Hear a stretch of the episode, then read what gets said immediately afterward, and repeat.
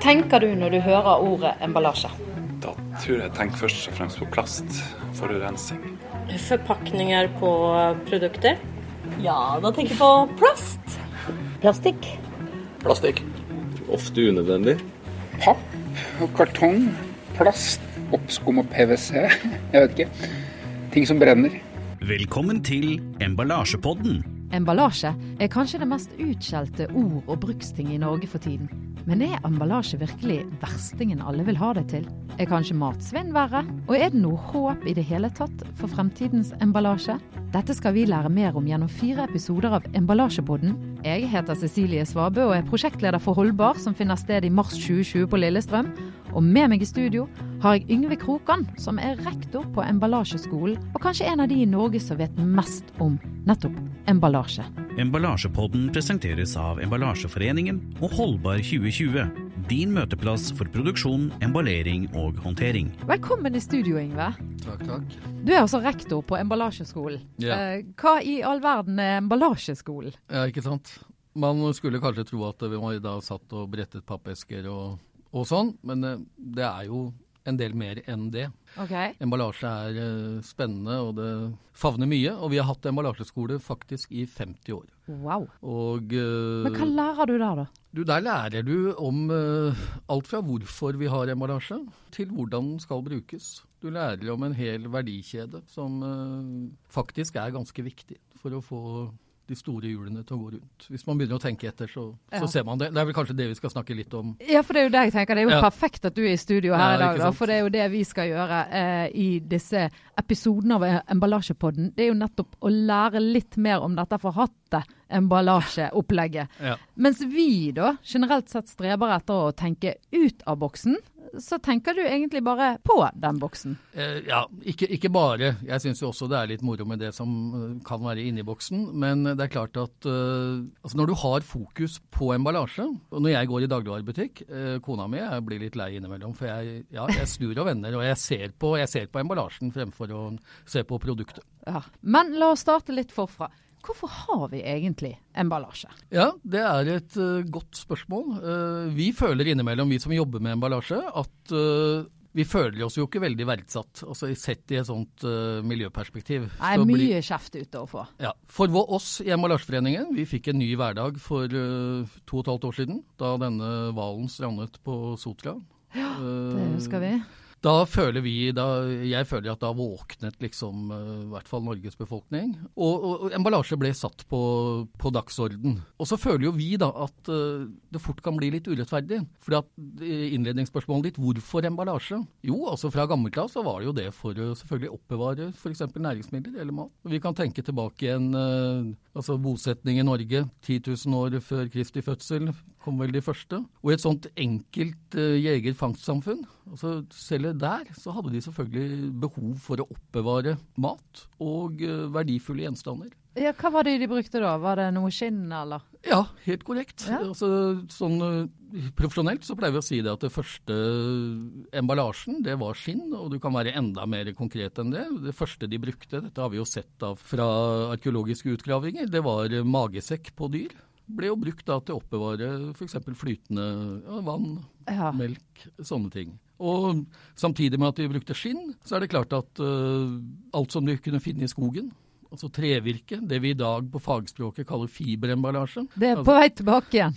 Ja, det, ja. det, og det har vært med oss hele tiden. Ja. Helt fra tidenes morgen. Det er jo helt utrolig interessant. altså. Eh, for- Men, for det, men når var det vi byttet ut magesekken da, med eh, mer moderne emballasje? Ja, ikke sant. Altså hvis du da, Vi har fire materialer, pleier vi å si. Emballasjematerialer. I dag. Ja, i dag. Vi har altså fiberemballasje. Alt det du finner i skogen. Og i dag så er det type bølgepapp, kartong, massivpapp. Det er det vi kaller fiberemballasje. Og det har vi hatt fra eh, Selvfølgelig utviklet seg, men altså fiberemballasje har vi hatt fra dag én. Ja, det har jo dukket opp en del sånn eh, engangsartikler i fiber også, ser jeg Ja, nå etter hvert. Det er veldig poppis. Det, er, eh, det tar jo over for, og skal ta over da for plast. Men så har vi også hatt andre materialer, materialer f.eks. glass. Et gammelt emballasjemateriale. Brukt, eh, vi har gjort, i hvert fall produsert profesjonelt 4000 år før Kristi fødsel. Vi har dessverre ikke noe glassverk i Norge som lager emballasjeglass lenger. Det var jo i Moss, men uh, Sverige, Danmark, så produseres det, og glass går det mye av. Glass er uh, sånn sett veldig bra natur. Jeg liker jo ikke den der miljøvennlig, men altså glass er jo helt naturlig. Det er sand, soda og kalk og litt varme, så, mm. så har man glass. Metallemballasje kommer da for fullt uh, sånn på 1800-tallet. Så det er jo et relativt nytt uh, materiale. Og da plastemballasje ser vi da gjennombruddet etter annen verdenskrig.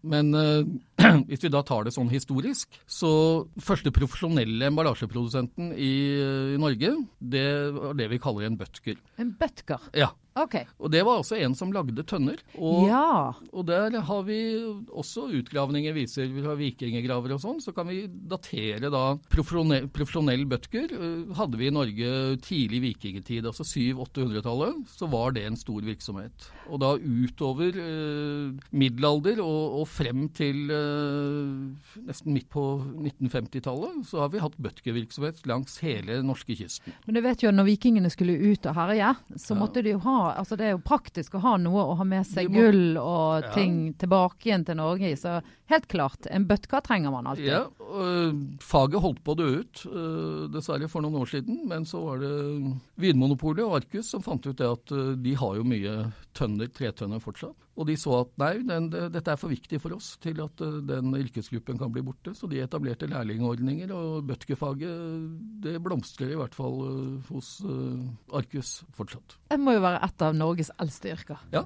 det er jo definitivt det. Emballasjepodden presenteres av Emballasjeforeningen og Holdbar 2020. Din møteplass for produksjon, emballering og håndtering. Så sier du at plasten den gjorde sitt inntog etter krigstiden? Altså alt, alle sånne sånne Når det skjer noe sånn utviklingsmessig, altså et kvantesprang, så har det ofte med Det kan være en konkurranse som utlyses, det kan være at det skjer en miss på laben, altså et eller annet sånt noe, så plutselig så, så skjer det et kvantesprang. Og vi ser utviklingen av emballasje, så ser vi da at vi, altså vi får metallemballasje på begynnelsen av 1800-tallet. Mm -hmm.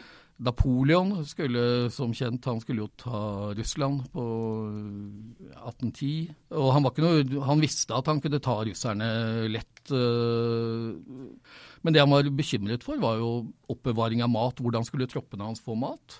Ja. Det ble utlyst en konkurranse i Paris i 1810. Hvordan... Litt, jeg må si at Det er litt artig å tenke på at Napoleon, eh, Napoleon, gikk rundt og tenkte på akkurat det. Ja, det var det han tenkte på. For Han er jo faren egentlig for alt som har med logistikktenkning å gjøre. At det var det Napoleon kunne.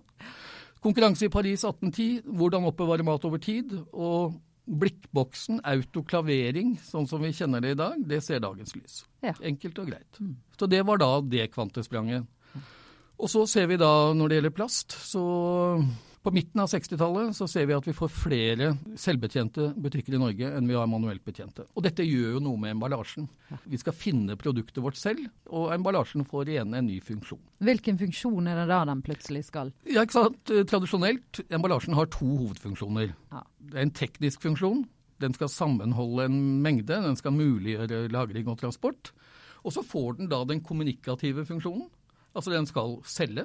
Den skal få oss til å kjøpe. Rett og slett et viktig markedsføringsverktøy? Ja, kanskje det viktigste. Og informasjonsverktøy. Ja, akkurat. Sånn sett er emballasje det er viktig. Og da på, så får vi da denne overgangen på, på 60-tallet. og Samtidig med at da plastemballasje, plast kommer for, for fullt. Og plast som materiale, det har vi hatt uh, fra tidlig 1900-tall utviklet seg fra gummi, bakelitt, sånn og sånn. Men så ser vi da forskningen opp mot annen verdenskrig. Våpenindustrien skjønte at uh, det kom til å skje noe, og det ble krig. Men som en spin-off av det, så ser vi da rett etter annen verdenskrig da plastmaterialet sånn som vi kjenner det i dag, da er det på markedet. Og så revolusjonerer det i grunnen uh, hele emballasjeverdenen. Og, og, og, da brukte ikke vi litt, vi tok vel fullstendig av? Og brukte ekstremt mye plastemballasje. Ja, vi, vi, må jo innrømme det at uh, vi som på fagspråket så kaller vi det overemballering. Fordi at altså plast, det var billig. Det er fortsatt billig. Og det er et fantastisk materiale.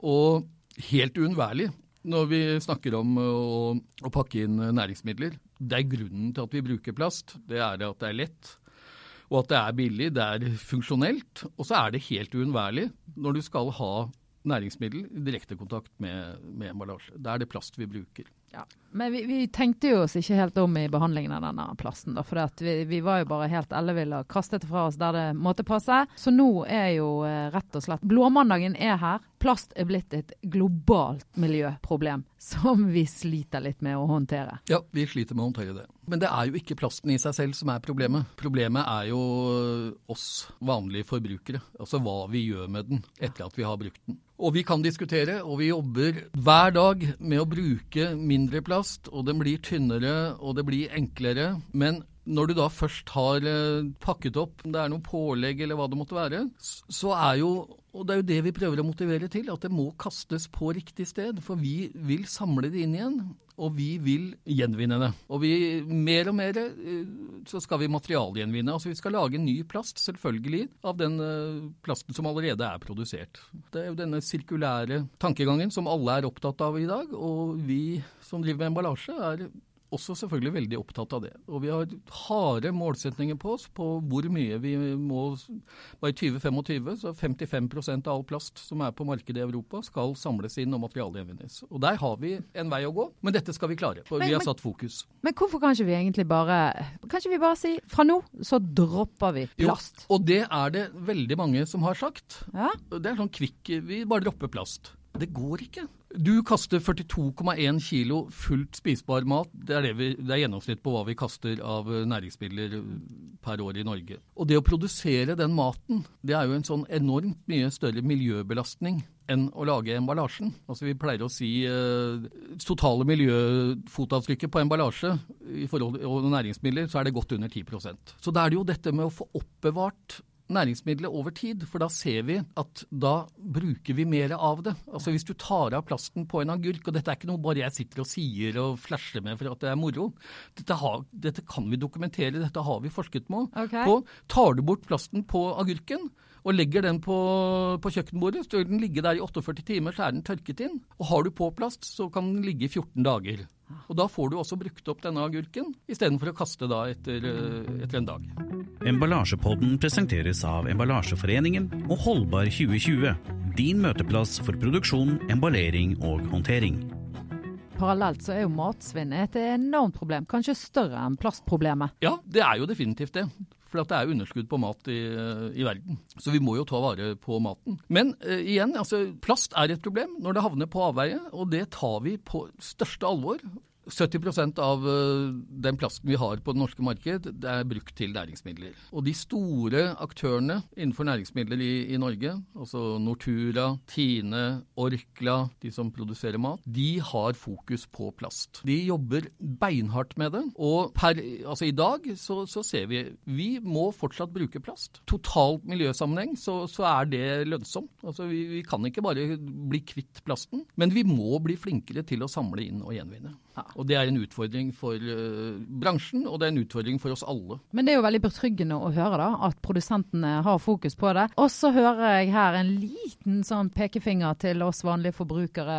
Ta dere sammen. Nå må vi klare å gjøre dette på en ja, bedre måte. Faktisk. For det er uh, til syvende og sist så er det vårt ansvar. Og det kommer uh, direktiver fra EU, altså single use plastics, det blir forbudt sånn og sånn. Og, og det er fordi at man da ser at plast havner på avveie. Ja, plast havner i havet. Det var reelt det som de fant i den hvalen. Men det er jo ikke sånn vi vil ha det. Altså, vi, vi, må, vi må, skjerpe oss. Og da, da går dette bra. Når vi får det inn i et lukket kretsløp, da skal vi som driver med emballasje, da blir vi spydspissen faktisk inn i denne sirkulære tankegangen. For vi kan bruke det på nytt og på nytt og på nytt. Det kan vi gjøre med plast, det kan vi gjøre med fiberemballasje. Vi tar inn, Og fiberemballasje, det har vi drevet med i alle år. Det samler vi inn, så lager vi nytt papir av det. Metallemballasje, samler inn, lager ny, nytt metall. Glassemballasje, ikke noe problem. I dag er det bare knust glass som blir nytt glass. Fantastisk. Det er jo veien Men når vi kaster det bare fra oss, ut i naturen, da blir det i naturen. Og sånn kan vi ikke ha det. Vi har vel skjønt at uten emballasje så blir det mye søl